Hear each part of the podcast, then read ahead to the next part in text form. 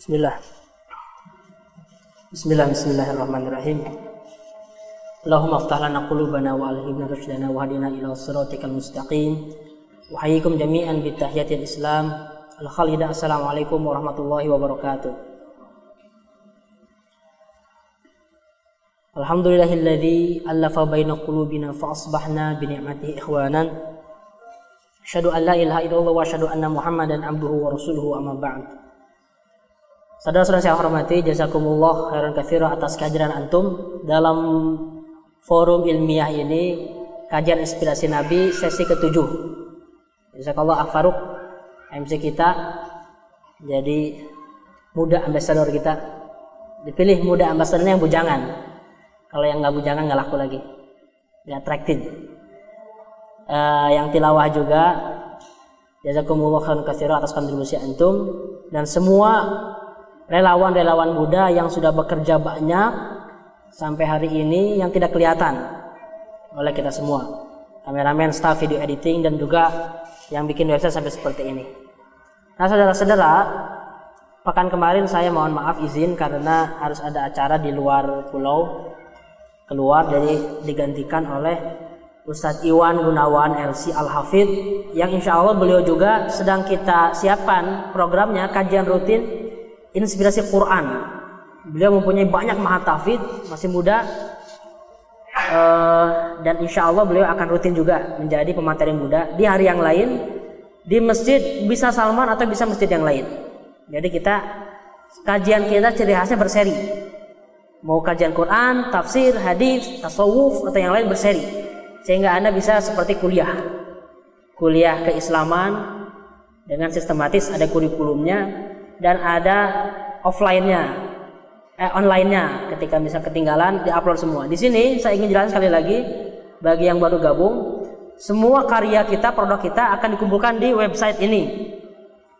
Dari mulai agenda akan diupload, lalu juga video-video, seluruh videonya satu jam dibagi empat, 15 menit masing-masing, pas seri. Karena kita memahami kualitas apa kuantitas data antum semua satu giga buat dua bulan. Lalu juga inspirasi-inspirasinya kita juga mencoba hal baru agar setiap kajian itu kita ekstrak menjadi quote-quote inspirasi. Inspirasi Nabi 1, 2 sampai hari ini saya tulis ada 70 inspirasi 77. Dan setiap inspirasi itu dibuat e, poster-posternya sehingga Anda ketika melihat poster tersebut langsung terekam ini konteksnya apa? Konteksnya adalah materi sirah nabawiyah di fase dakwah jahriyah atau dakwah Syria atau hijrah. Ini inspirasi Quran 1 2, inspirasi Quran 10 oh tentang tentang uh, ulama Al-Qur'an, tentang misalnya mufassirin. Jadi ada selalu terbayang. Jadi ibarat rangkuman inspirasi-inspirasi yang dibuat quotation itu. Begitu ya kurang sebagai pengantar.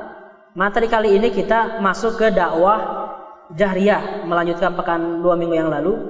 Hanya dakwah Jahriyah ini perlu saya perlu saya uh, review ulang materi yang sebelumnya karena nyambung. Ada tiga materi tentang dakwah Jahriyah.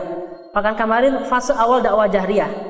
Sekarang fase kedua dan dakwah Jahriyah itu mulai penindasan dan ada fase ketiganya soal diplomasi.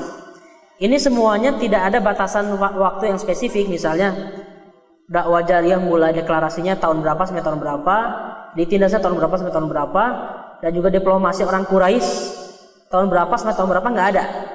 Semuanya campur aduk. Tapi kita usahakan pembahasannya dipisah agar e, sistematis saja. Untuk tujuan sistematika.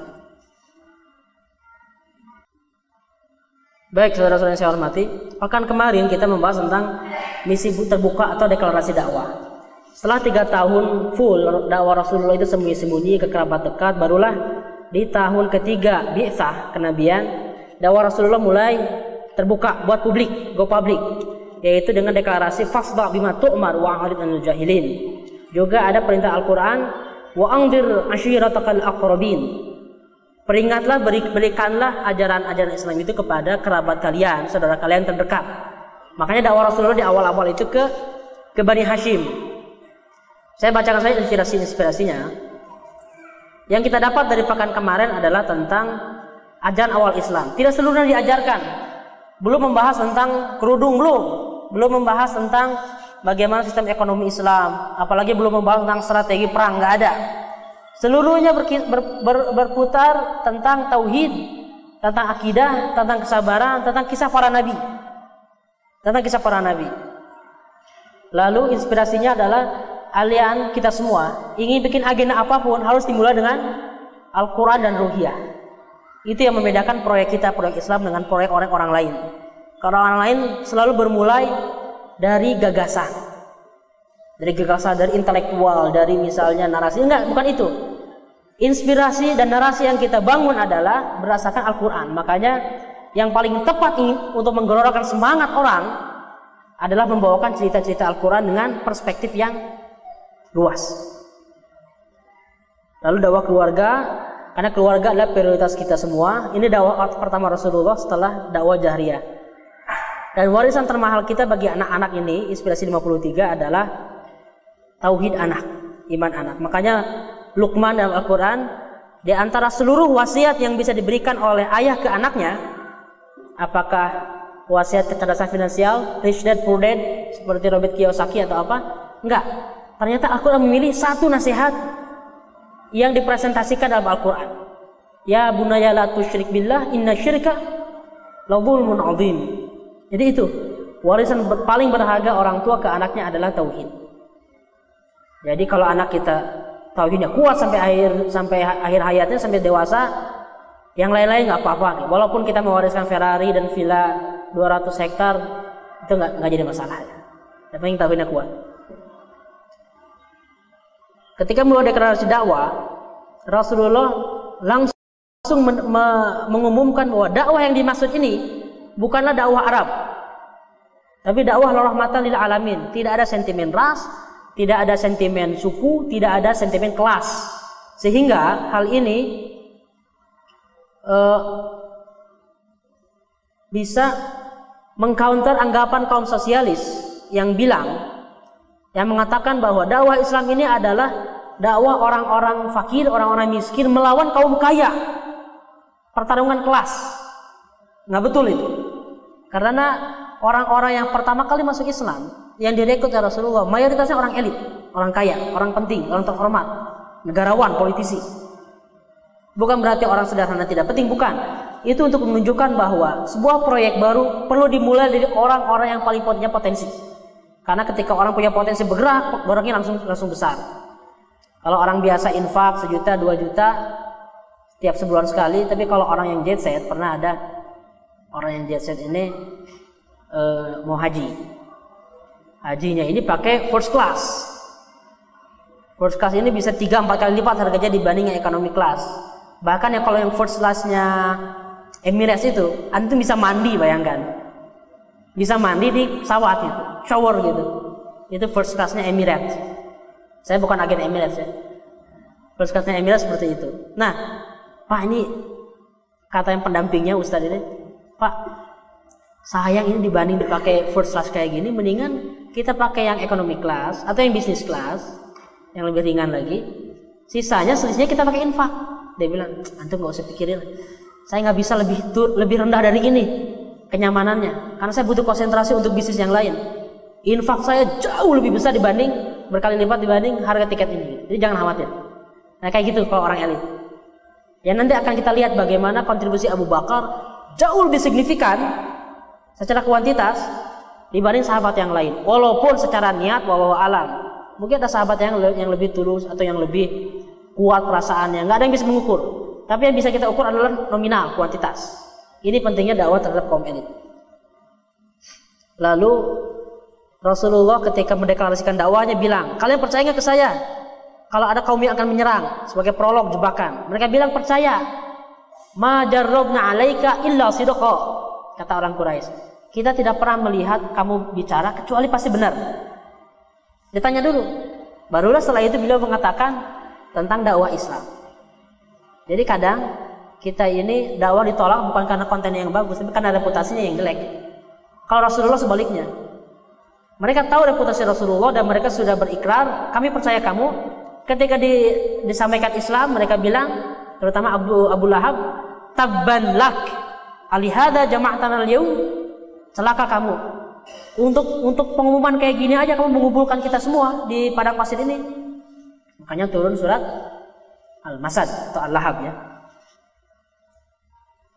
Tentu tentu setelah dakwah ini ada penolakan-penolakan. Penolakan ini biasanya berawal dari fanatisme. Orang yang sudah 10, 20, 40 tahun hidup dengan keglamoran, kenyamanan jahiliyah, susah ingin pindahnya gitu.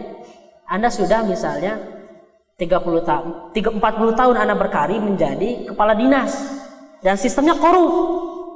Lalu ada sebuah tawaran baru, gagasan baru, calon wali kota, gubernur, politisi, anggota DPR, apa pun lah, membawa narasi baru, efisiensi kerja.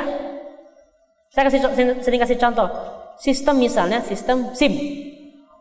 Contoh ya, andaikan ada sebuah seorang yang menawarkan gagasan konkret, dia bikinkan sistem aplikasinya untuk se-Indonesia model dari mulai pendaftaran SIM, SIM online, ada jadwal ketemu, jadwal wawancaranya, tidak ngantri, tidak penuh, ada sistematika jalur antriannya jelas jangan nanya ke warung di mana ya foto ya? Di mana ya untuk antri berkasnya gimana? Masukin berkasnya rapi semuanya kayak kita antri di yang lebih keren dari bank itu airport. Kalau anak ke airport masih nanya di mana? Toilet kebangetan anda. Kenapa? Berjejer tanda-tanda di mana-mana gitu. Toilet di mana ya? Itu sudah lihat tanda toilet Kenapa? Karena jelas SOP-nya gitu. Tapi kalau kita ke kantor-kantor e, non swasta agak susah. Karena kadang karena kadang-kadang bukan gara-gara nggak punya kemampuan, memang sengaja nggak dibuat. Karena kalau dibuat yang sistem yang sangat rapi, peluang-peluang kebocoran itu hilang. Nah orang yang sudah puluhan tahun hidup dengan cara seperti ini, ada gagasan baru itu susah nerimanya. Karena masalah pribadinya bisa terganggu. Itu ya. Jadi jangan tersesat di, di airport ya. Kecuali kalau di mall, di mall antum bisa tersesat, terutama mall di Bandung. Ya. Bisa naik nggak bisa turun. Lalu inspirasi 57 tentang uh, pentingnya kita memahami alasan penolakan orang. Orang menolak dakwah gara-gara kadang-kadang karena kitanya tidak tidak meyakinkan penampilan kitanya, materi kitanya, penyampaian kitanya, atau dia punya masalah ekonomi, masalah politik atau dia memang fanatik dengan orang tuanya dengan lingkungan yang sudah terbiasa dia berpikir seperti itu nggak mau keluar dari dari dari cara berpikir yang nyaman. Keluar dari cara berpikir yang nyaman itu susah nggak mudah. Nah anda kalau tahu alasan orang nolak dakwah bisa tahu juga bagaimana approach-nya toolsnya. Lalu dakwah silmiah ini dengan berbagai cara ya memecah belah dengan dengan black campaign. Memecah belah itu Abu Talib pendukung utama Nabi Muhammad mulai dipisahkan dulu. Jadi kalau ingin menghancurkan sebuah institusi, pisahkan dulu dari sumber ekonominya, bodyguard-bodyguardnya, para pendukung politiknya, juga para humas-humasnya yang menjadi duta-duta ambasador-ambasadornya. Itu perlu dipretelin pihak-pihak yang mensupport. Baru dia akan lemah. Jangan langsung menyerang. Itu yang dilakukan oleh orang Quraisy untuk melemahkan Rasulullah. Abu Talibnya dulu nih apa namanya backingnya di, di lobby. Tapi ternyata nggak mempan. Inspirasi berikutnya adalah tentang black campaign. Apa yang kita bisa ambil dari black campaign? Jadi kita mempelajari sirah itu apa yang bisa kita uh, terapkan untuk hari ini? Yaitu tentang cara berpikir musuh. Cara musuh kebaikan. Musuh kebaikan itu siapa saja ya? Tidak hanya yang memusuhi Islam kadang ada proyek perbaikan, Pak. Jadi gini, Kang Teh, ada proyek perbaikan yang proyek perbaikan ini bukan privilege umat Islam, tapi semuanya. Flaka sudah masuk ke Indonesia sekarang. Tahu antum flaka? Jadi insya Allah antum bisa melihat zombie real time sekarang, live. Ketika orang mengkonsumsi flaka, benar-benar kayak zombie, bisa keluar darah, bisa bisa gila, bisa mati itu jauh lebih tinggi kapasitasnya dibanding drugs-drugs yang ada selama ini. Saya nggak bisa pikir gimana orang bisa berkreasi seperti itu. Itu musuh siapa? Itu adalah musuh orang Hindu, orang Buddha, orang Kristen, orang Konghucu, musuh Islam, musuh kita semua. Nah, orang-orang yang orang-orang yang pro dengan flaka atau uh, para pengedar narkoba, para pemasoknya atau orang-orang dalam yang memuluskan pengiriman narkoba ini, mereka adalah musuh kebaikan ya. Bukan hanya musuh dakwah, bukan, musuh kebaikan. Nah, orang-orang kayak gini biasanya yang dilakukan mereka adalah menghancurkan dulu, menghancurkan dulu reputasi kita. Anda aktivis anti narkoba, dicari web browsing Anda dicari. Oh, ini anak ini tukang download uTorrent ternyata. Oh, dia juga apa? Pirate membajak gitu. Dan bajakannya dia jual di, di depan Salman itu. 25 ribu satu kuping. Atau misalnya chatting-chatting kita dihack, lihat Reputasi si pembawa narasinya dulu dihancurkan. Agar apa? Agar orang nggak perhatian dengan kontennya. Itulah sebabnya Anda akan sering melihat bahwa ada orang jujur, orang ikhlas, orang pintar, orang yang memperjuangkan sebuah misi kebaikan yang di, yang diserang ter, terhadap dirinya itu nggak berhubungan dengan kontennya, tapi dengan pribadinya. Ada affair, dia ada perselingkuhan, misalnya dia misalnya masa lalunya dia kelam, itu semua yang diungkap. Reputasinya dihancurkan. Itu yang cara dilakukan oleh zaman di zaman Rasulullah, para musuh Rasulullah dan itu akan selalu dilakukan hari ini dan di masa depan. Inspirasi 61 tentang bagaimana cara kerja media. Cara kerja media itu bermain dengan imajinasi publik. Jadi imajinasi yang dipermainkan virtual ini hanya bisa dibantah dengan fakta dan data. Kata pepatah Arab, laisal khobaru kal Kabar itu tidak sama dengan fakta yang Anda lihat dengan mata kepala sendiri. Anda kalau ingin dibombardir dengan sebuah fakta bahwa gajah ini uh, apa namanya uh, lehernya panjang, toto nggak mungkin masuk. Kenapa? Faktanya sudah terlalu clear di kita. Wah itu jerapah. Tapi fakta-fakta yang belum lengkap kita itu mudah dipermainkan imajinasi publik itu. Makanya tugas kita itu dalam Islam gampang menyampaikan fakta. Fakta orang nyaman dengan sholat, fakta orang sehat dengan puasa, fakta orang bahagia dengan pernikahan, fakta orang makin berkah bisnisnya dengan zakat. Itu fakta semua. Dan biasanya musuh-musuh itu akan memprevent Anda untuk menyebarkan fakta-fakta ini. Berikutnya black campaign bisa jadi Islamofobia. Jadi, jadi jadul ya old approach Islamophobia ini. Jadi zaman Rasulullah. Ya ini kurang lebih ya. Yang terakhir adalah tentang Nadar bin Haris luar biasa nih, menarik. Nadar bin Haris ini orang yang sering mencaci maki dakwah, tapi yang menarik adalah usaha dia untuk belajar. Kalau hari ini itu kuliah ke luar negeri ya. Dari Mekah berangkat ke Irak belajar sastra Persia, sastra uh, sair-sair Persia, lagu-lagunya, dansa-dansanya, jogetnya, hiburan-hiburannya dibawa semuanya diimpor ke Mekah untuk menyaingi dakwah Rasulullah dengan hiburan-hiburan. Dan itu nggak asing kan hari ini kan. Biasanya bulan Ramadan ketika kita ingin kebaikan, hiburan-hiburan bertambah tiga kali lipat. Nah ini nih, keduanya adalah Nabi bin Harith. Nah saudara-saudara sekalian, ini adalah 65 inspirasi, eh inspirasi eh, sampai ke 65 adalah nilai-nilai yang kita ambil dari dakwah jahriyah tapi masih perlawanan-perlawanan lembut. Belum keras. Mulailah masuk dakwah jahriyah ini menghadapi tantangan yang keras yaitu tekanan-tekanan. Ada tekanan psikologi ada ketekanan eh, fisik dan ada tekanan jiwa nyawa ruhannya. Jadi ini kurang lebih materi kita eh, hari ini ya tentang war perang psikologis targhib wa tarhib targhib itu artinya membuat anda berhasrat tarhib membuat anda takut. Targhib wa tarhib lalu tantangan lainnya adalah tantangan psikologi meminta mukjizat. Mana mukjizatnya? Kasih lihat saya. Ada tantangan ibadah campuran. Ayo kita mixing ibadah kita. Campur-campur ibadahnya.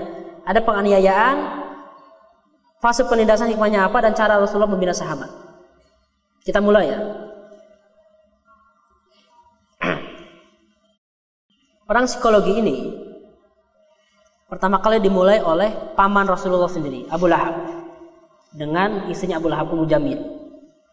Abu Lahab dan Ummu Jamil ini mendapatkan nikmat yang didambakan oleh banyak orang. Jadi Ummu Jamil ini ceritanya dalam riwayatnya ini cantik banget. Makanya disebut Ummu Jamil. Mujamilah ya. Disebut Ummu Jamil.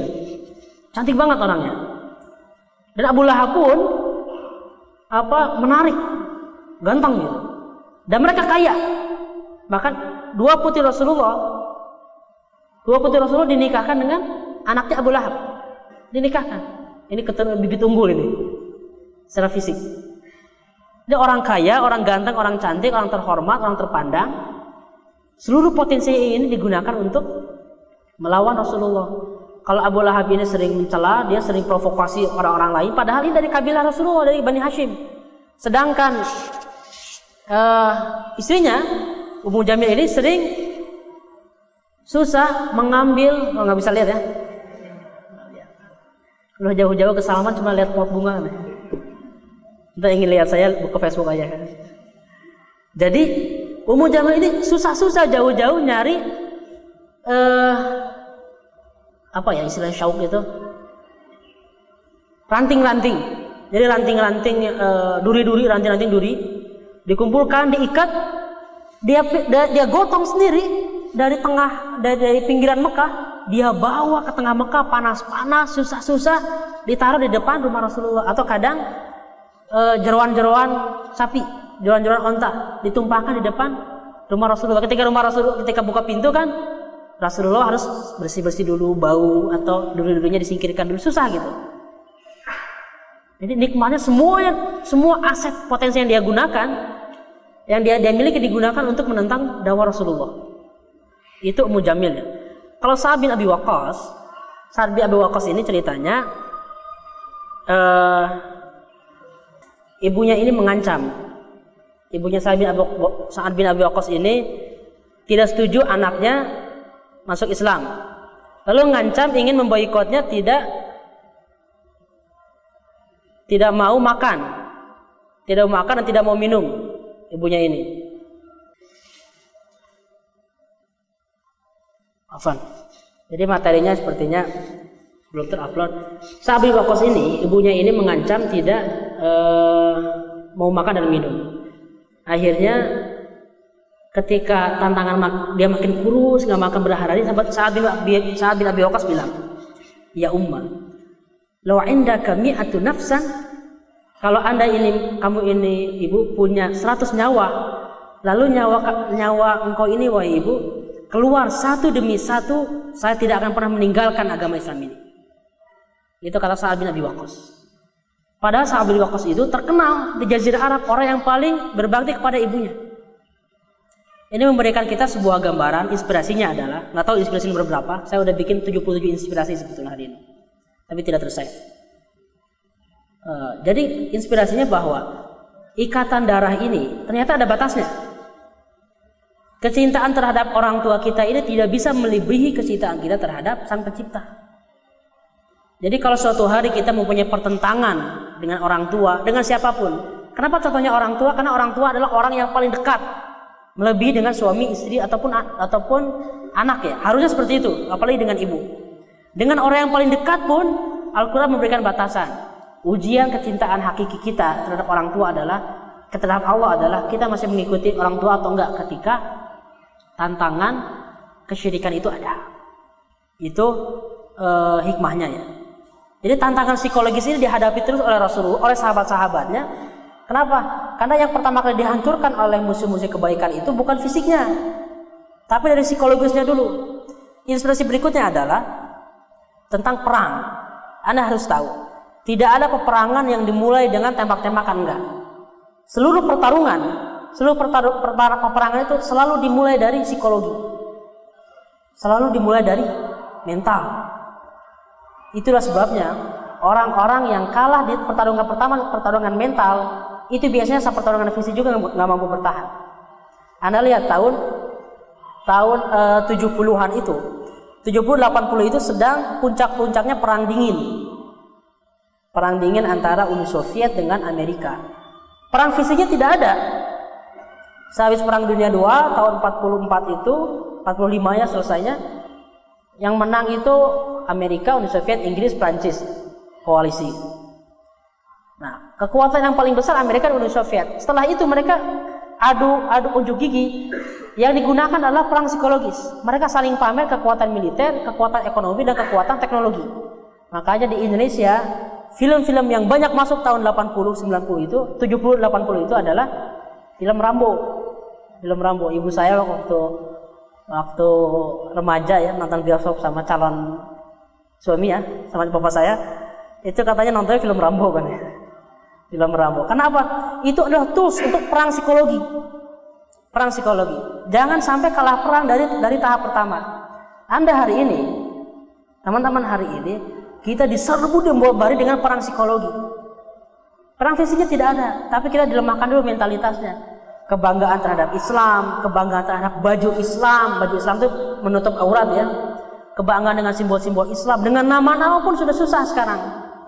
Siapa nama siapa nama kamu? Salahuddin. Oh, Udin ya, Din udah bagus Salahuddin gitu. Jadi Udin gitu. Jadi panggilan nama dengan nama-nama yang baik. Jangan sampai kalah dari langkah pertama. Itu yang pertama semuanya dalam ruang lingkup perang psikologi.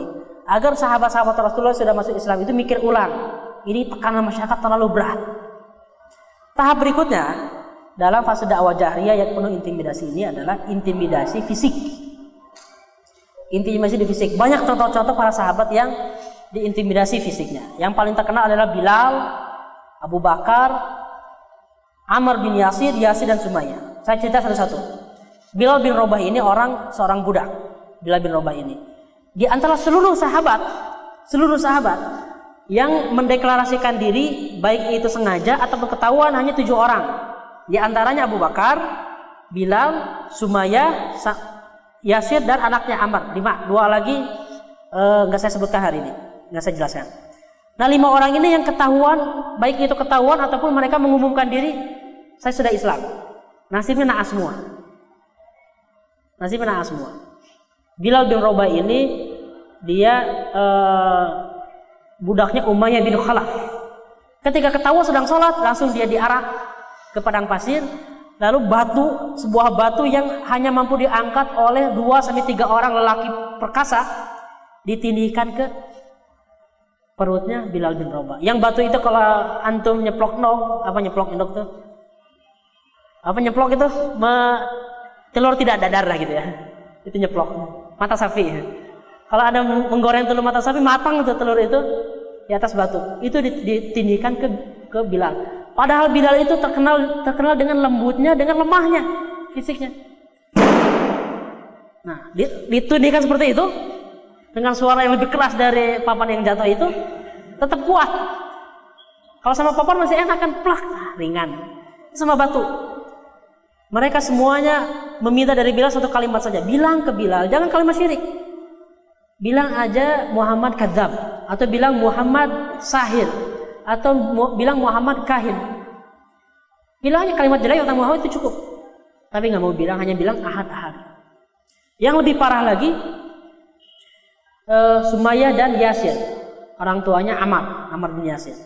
Dua orang ini disiksa terus karena mereka dua orang ini kebetulan jadi pembantu Abu Jahal. Pembantu Abu Jahal. Diintimidasi terus, dipaksa terus, tapi akhirnya nggak keluar kalimat kesyirikannya sampai meninggalnya. Dan hasil Rasulullah itu sederhananya.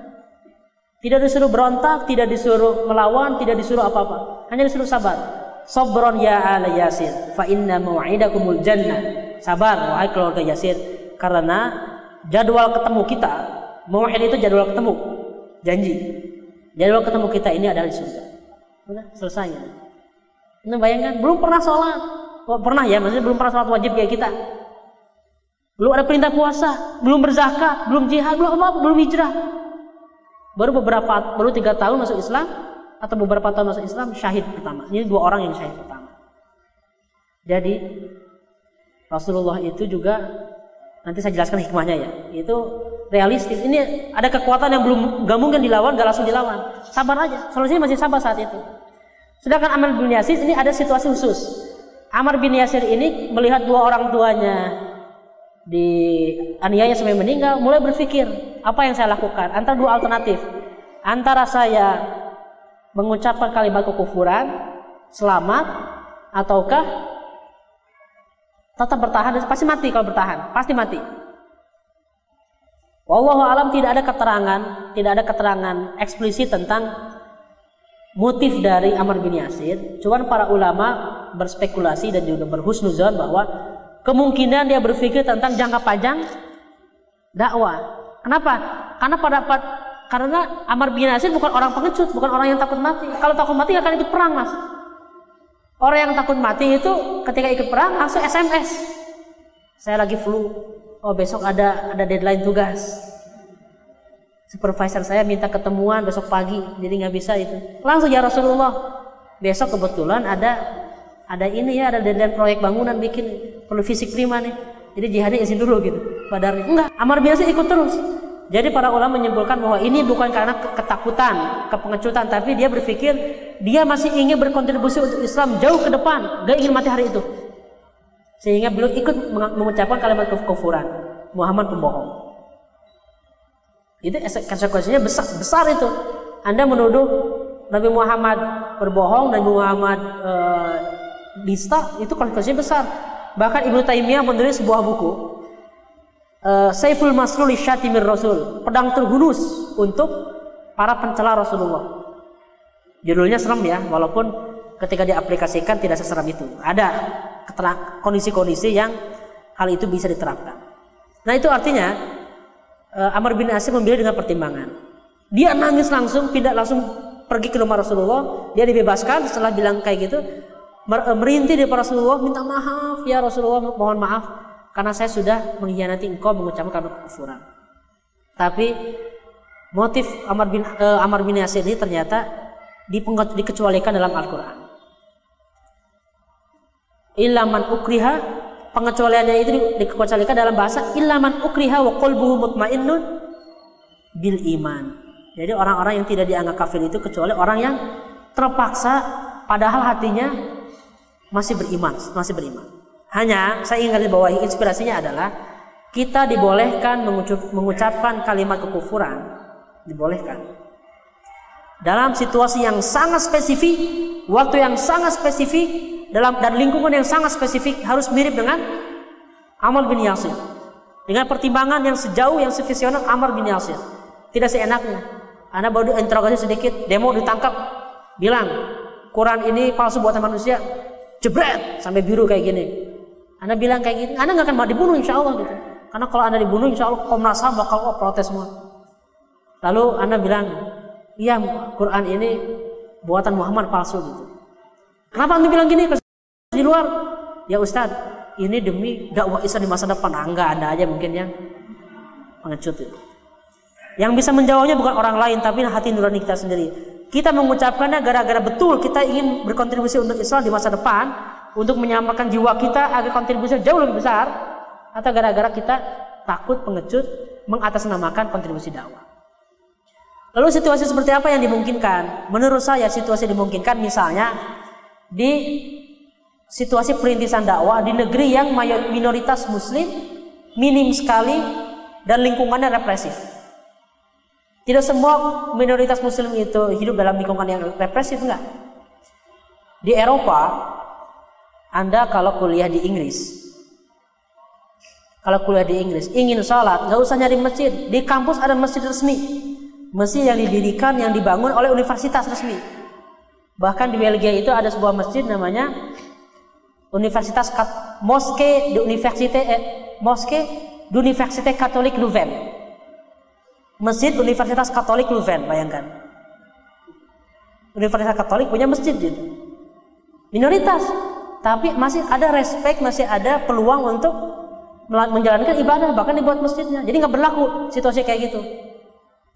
Biar saya nggak kena tilang ya, kata polisi. Karena polisi kadang-kadang diskriminatif polisi gitu. Kayak kita sama lagi. Ada ada operasi gitu. Yang ditilang nanti dicek tiket metro keretanya lihat yang berjilbab gitu. Ah berjilbab ini, tanya. Gitu. Biasanya suka ada kayak gitu. Anda kalau bilang Islam ini teroris, insya Allah, eh nggak pakai insya Allah ya, anak kalau bilang Islam teroris saya bebaskan nggak ditilang iya bilang gitu nah, itu nggak berlaku tapi kalau misalnya anda misalnya zaman dulu ya tahun 80-an di Uni Soviet pemerintahnya represif Islam sedikit sekali sedang merintis dakwah kalau kader-kader dakwah saat itu orang-orang Islamnya itu hancur dieksekusi semuanya mati Memang gagah, tapi itu konyol. Kenapa? Siapa yang akan melanjutkan dakwah di situ? Insya Allah Allah akan mengirim ke dai-dai lain. Iya Allah akan mengirimkan, tapi Anda tidak berkontribusi. Konyol. Belum saatnya mati cepat. Jadi Anda bisa berkilah saat itu kondisi yang mirip dengan Amr bin Yasir. Ini harus harus diperhatikan ya karena tidak seenaknya diterapkan dalam berbagai situasi. Contoh berikutnya adalah Abu Bakar As-Siddiq. Dianiaya juga. Abu Bakar As-Siddiq ini adalah uh, orang yang paling aneh ya. Orangnya kecil, orangnya sederhana, uh, orangnya apa namanya uh, krempeng lah gitu, nggak nggak kuat, nggak kokoh kayak Umar, tapi dia orang yang paling berani. Subhanallah, Abu Bakar As-Siddiq ini. Ketika dakwah dengan Rasulullah, dia yang paling depan melindungi Rasulullah. Ketika mau ke masjid, dilempari oleh sendal, dilempari oleh pasir, dia tetap jalan. Tetap jalan kayak gitu. Setelah itu, setelah dia mulai berdakwah, mengucapkan beberapa ayat Al-Quran, lalu dilempar lagi makin banyak oleh batu, oleh oleh sendal, berdarah sampai sampai dahinya berdarah. Setelah itu, tetap berdakwah Abu Bakar Siddiq. Di hari yang lain, dia seling keliling, punya tarik keliling. Nanti ada budak-budak yang sedang disiksa, dia beli budaknya, dia bebaskan saat itu juga. Itu Abu Bakar Siddiq. Bilal termasuk orang yang dibayar oleh Abu Bakar Siddiq dibebaskan, dibeli, dibebaskan lalu di, dianggap saudara. Tapi bedanya ada satu. Separah-parahnya intimidasi terhadap Abu Bakar, tapi Abu Bakar mempunyai backing. Backingnya keluarganya Bani Taim. Rasulullah backingnya Abu Talib dengan Bani Hashim, satu kabilah, kecuali Abu Lahab. Abu Bakar Bani Taim dengan ada seorang sahabat yang lain, Ibnu Dugunnah namanya.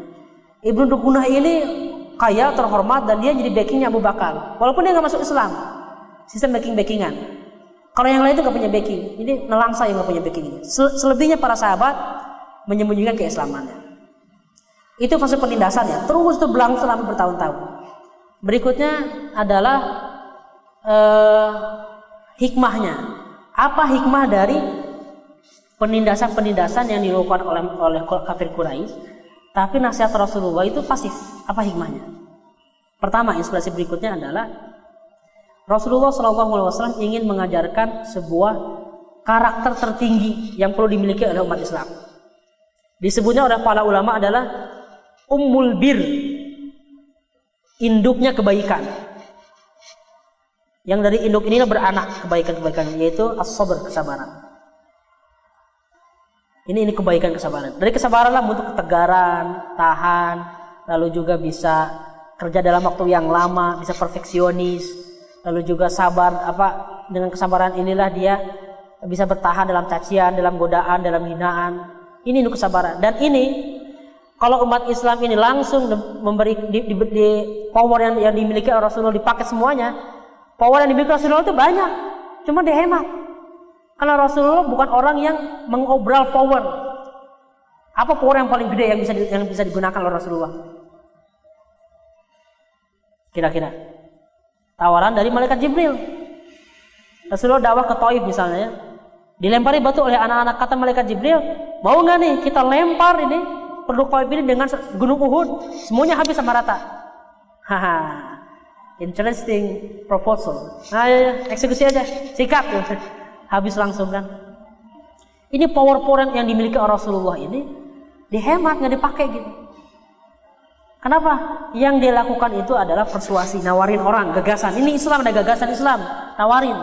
Jadi orang yang selalu mengobrol power struktur, orang-orang, pihak-pihak, partai, organisasi, jamaah, entitas, apa pun itu, orang-orang yang terlalu sering menggunakan power dengan dengan perintah, dengan nota, dengan uh, instruksi langsung ketua, pemimpin ormas, struktur pemerintah dengan dengan apa namanya perintah yang langsung, biasanya dia tidak mempunyai isi kepala.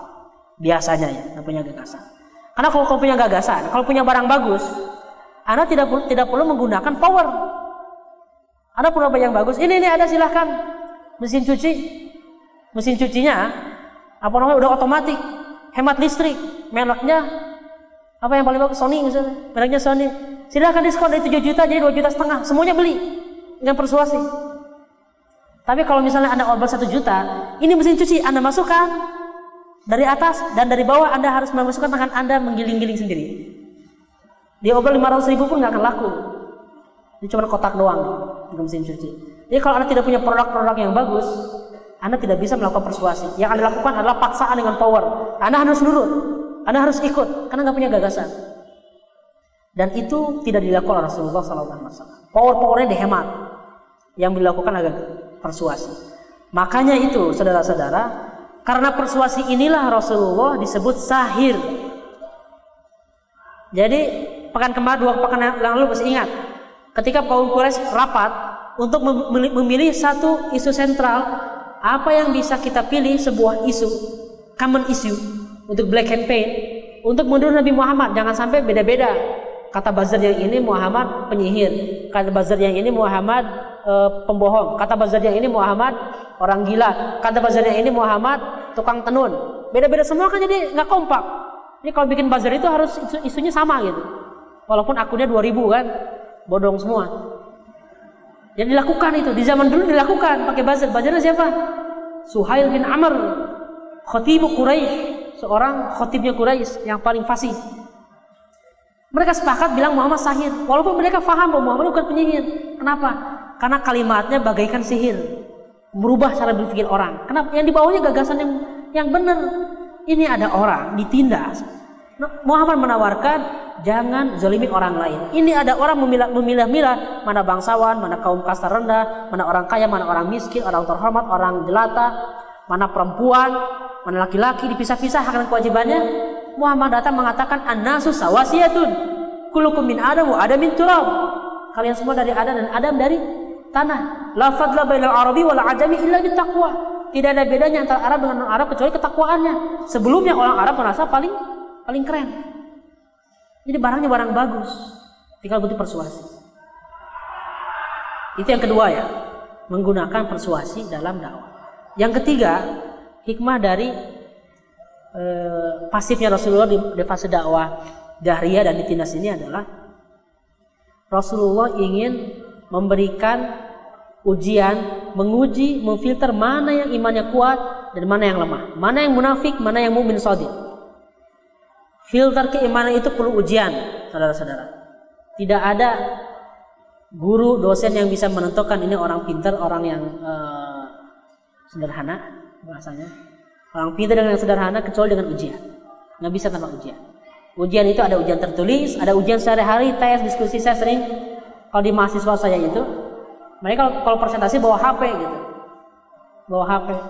Kalau ada kalau ada materi apa, buka HP dulu. Ada yang nanya, Begitu pertanyaan lagi di, di, diomongkan, langsung dia browsing gitu. Ah oh, ini nggak siap. Simpan HP-nya semuanya, bingung nggak bisa jawab. Nih. Ujian di situ, spontanitas, spontanitas. Nah, Rasulullah ingin menguji umat Islam pertama-tama. Kenapa? Karena umat Islam yang yang pertama-tama generasi awal itu adalah batu bata pembangunan umat untuk jangka jangka waktu yang sangat panjang. Berapa tahun? 23 tahun. Dakwah Rasulullah itu 23 tahun. Dan ini dalam 20 tahun 23 tahun tidak ada fase trial error nggak ada. Kalau Anda punya proyek 100 tahun, Anda punya waktu taruhlah 10 persen ya. 10 persen fase trial error staffing. Anda mikir mudah staffing. Tanya orang-orang para pemilik perusahaan, yang paling susah memulai proyek adalah staffing. Bukan bikin kantor, bukan belanja, bukan staffing. Ada orang yang pintar Allah Allah apa Allah Allah bahasanya? Lagi lagi bisa Sunda juga ya. So ada yang pintar so saya pengennya ya saya sih saya sih lulusan SMA cuma kan saya jago ya 7 juta lah sebulan lagi. Waduh lulusan SMA 7 juta susah kan? Ada yang misalnya oke okay lah Ustaz berapa aja lah saya digaji pakai rendang padang setiap hari juga cukup lah gitu. Tapi kerjaannya nggak benar misalnya. Ada kerjanya benar, gajinya oke, waktunya nggak ada.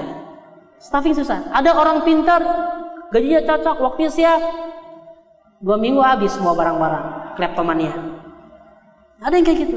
Jadi staffing adalah persoalan paling sulit bagi seorang pemimpin. Memilih orang yang capable, orang yang jujur, orang yang cocok. Susah. Dan Rasulullah tidak mungkin mendapatkan momen ini, fase ini tanpa ada ujian, al-bala ini ujian intimidasi fisik kelihatan orang-orang yang jujur dengan orang yang tidak jujur saat fase intimidasi hikmah berikutnya inspirasi berikutnya dari pasifnya Rasulullah di masa penindasan. Rasulullah SAW ingin mengajarkan kita sebuah elemen baru saudara Elemen baru cara membuat, cara membangun generasi yang kokoh. Ada lima. Pertama, spiritualitas. Jadi batu bata, bahan-bahan pemikiran, bahan-bahan asupan untuk generasi yang ditindas itu beda. Jadi kalau kata Ibnu Khaldun, kata Ibnu Khaldun, peradaban itu berjalan ibarat usia manusia. Ada fase perintisan, fase perintisan, ada fase remaja, ada fase puncak dewasa, ada fase tua, dan ada fase mati.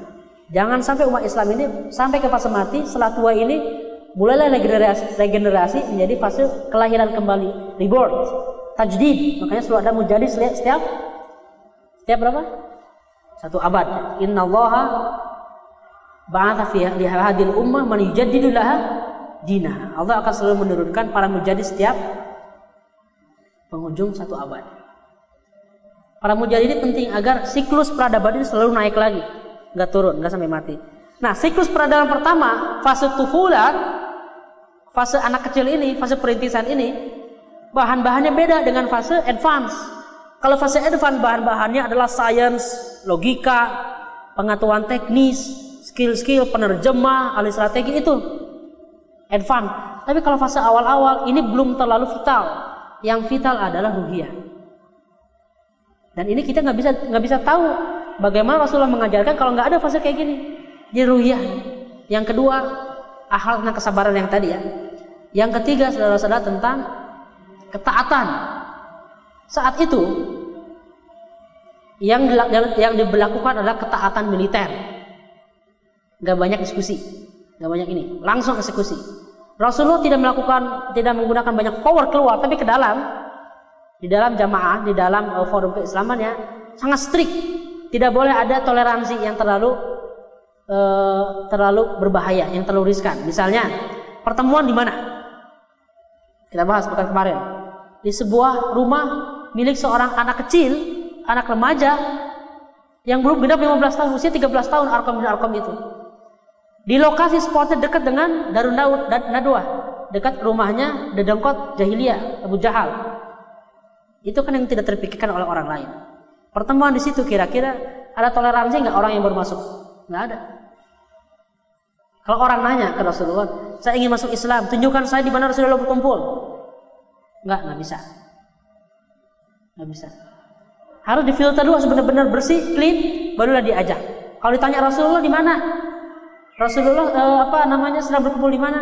Pengen ketemu Rasulullah nggak bisa. Kamu tunggu di sana Rasulullah yang mendatangi kamu kalau ingin masuk Islam. Nggak diajak ke Darul Nadwa enggak? Eh nggak diajak ke Darul Alkom enggak? Dan para sahabat strict peraturannya tidak ada yang boleh membocorkan tempat tempat pertemuan. Kalau ada kalau kalau leluasa kan kita langsung update status kan. Alhamdulillah baru dapat kajian baru sangat menyentuh hati apa namanya Quran dari Rasulullah hashtag Arkom bin Arkom gitu kan pinpointnya gitu gerbek langsung jadi saudara-saudara strict sekali soal ketaatan ini kenapa karena masalah hidup dan mati nyawa bukan masalah kalkulasi untung rugi nyawa ini kalau ada orang, tadi yang saya sebutkan tujuh orang ya, yang deklarasi, yang diketahui keislamannya. Masih banyak. Ada berapa orang? Ada 40 orang hasil dakwah. Hasil dakwah Syria itu 40 orang. Berarti ada 33 orang lagi yang nggak diketahui keislaman. Rahasia. Kalau sampai ketahuan satu orang saja bocor, tangkap orang ini, intimidasi, ketahuan semua. Dan saya nggak habis pikir kenapa ya, mikir-mikir gitu kan. Kenapa Abu Jahal lebih memilih maksa Amr bin Yasir untuk bilang kalimat kekufuran. Kalau saya jadi Abu Jahal beda. Siksa, tolong kasih saya nama-nama yang sudah ikut dengan Nabi Muhammad itu kalau saya gitu. Lebih strategis kan? Lebih menguntungkan. Allah yang menutup mata hati beliau, mata hati dia. Jadi ketaatan mutlak dibutuhkan dalam fase perintisan. Tidak ada kekendoran. Itu yang ketiga. Yang keempat adalah tentang uh, manajemen informasi. Rasulullah mempunyai sistem al-mukhabarat, sistem intelijen yang sangat kuat di fase dakwah sembunyi-sembunyi apa Disebutnya kalau kata Munir Al-Qutban, penulis buku Manhaj Haroki di Sirah Nabawiyah, konsep pergerakan dalam Sirah Nabawiyah, beliau bilang fase sekarang ini adalah jahriyatul dakwah, sirriyatul tanzim. Dakwahnya ini terbuka, tapi struktur organisasinya tertutup. Tapi kalau nanti di, di Madinah dakwahnya dakwah, terbuka, struktur organisasi juga terbuka.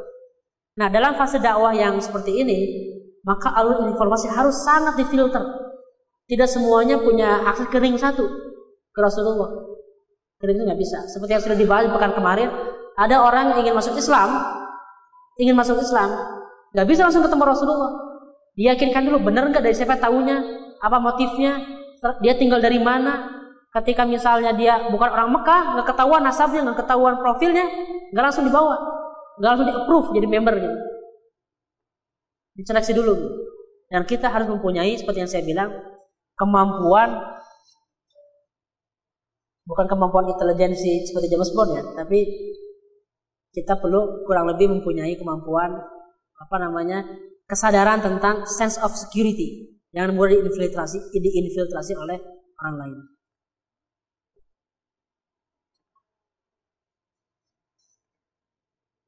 Ya. Yang terakhir, yang lembar lima, hikmah kenapa Rasulullah tetap pasif di sana adalah bahan-bahan yang diberikan terhadap umat Islam saat itu adalah sejarah. Ini adalah materi yang cukup membuat kita pulas saat SMA gitu, ngantuk ya. Sejarah itu angka proklamasi Sayyidatu Melik, Sayyidatu Melik Fatmawati, sekarang terus apa lagi apa? Konferensi Asia Afrika, meja bundar, wah banyak data-data sejarah. Kenapa? Karena saya kira cara kita mempelajari sejarah ini salah konsep kita mempelajari sejarah itu salah. Harusnya sejarah ini adalah mata mata pelajaran yang paling antusias. Kenapa? Satu per tiga Al-Quran itu adalah sejarah. Satu per tiga Quran. Isinya adalah cerita Al-Qasas. Faksus alaihimul qasas la'allahum yatafakkarun. Agar mereka berpikir. Ceritakanlah kepada mereka ini kisah-kisah agar mereka mikir. Maka fase-fase dakwah awal itu asupan sejarah itu sangat banyak sekali. Kisah Ad, kisah Musa alaihissalam, kisah tentang nabi-nabi yang lain. Agar apa? Agar umat Islam mempunyai komparasi-komparasi. Itu yang itu maknanya tadabur itu seperti itu. Mikir tadabur itu. Biasanya tabiat manusia itu kita bisa lebih uh, relief, relief itu lebih uh, nyaman Jiwa kita lebih nyaman atas musibah yang diterima. Kalau tetangga kita lebih parah musibahnya. Biasanya gitu. gitu. Ya Allah, apa namanya motor motor kita mal kemalingan di depan rumah. Langsung marah-marah di luar. Kata tangganya, kenapa pak? Motor saya maling. Masih mending bapak. Kalau saya Mercedes 2016 saya kayak maling. Alhamdulillah. Biasanya gitu tabiat manusia. Kita bisa lebih tegar kalau melihat orang lain lebih susah. Dan kita merana kalau orang lain lebih bahagia biasanya gitu. Nah, Al-Quran ini mengisahkan kita kisah-kisah agung para nabi, salafus soleh yang jauh lebih besar, yang jauh lebih sulit tantangannya dibanding umatnya Nabi Muhammad. Anda bayangkan, Nabi Nuh berapa tahun dakwahnya? Satu milenium kurang 50 tahun. 950 tahun. Berapa pilkada itu? Pil, anda bayangkan pilkada gagal lagi, nggak menang voting. Pilkada gagal lagi. Berapa berapa tahun Pak sudah kalah pilkada? Ya lumayan lah 950 tahun. Kalah terus dalam perekrutan. Istrinya sendiri nggak masuk Islam. Anak-anaknya sendiri nggak masuk Islam. Dakwah Nabi Nuh. Dakwah Nabi Isa alaihissalam. Dakwahnya juga apa namanya melaksa. Orang terdekatnya sendiri mengkhianati karena hampir membuat beliau terbunuh. Kalau nggak diselamatkan oleh Allah Subhanahu Wa Taala diangkat ke langit.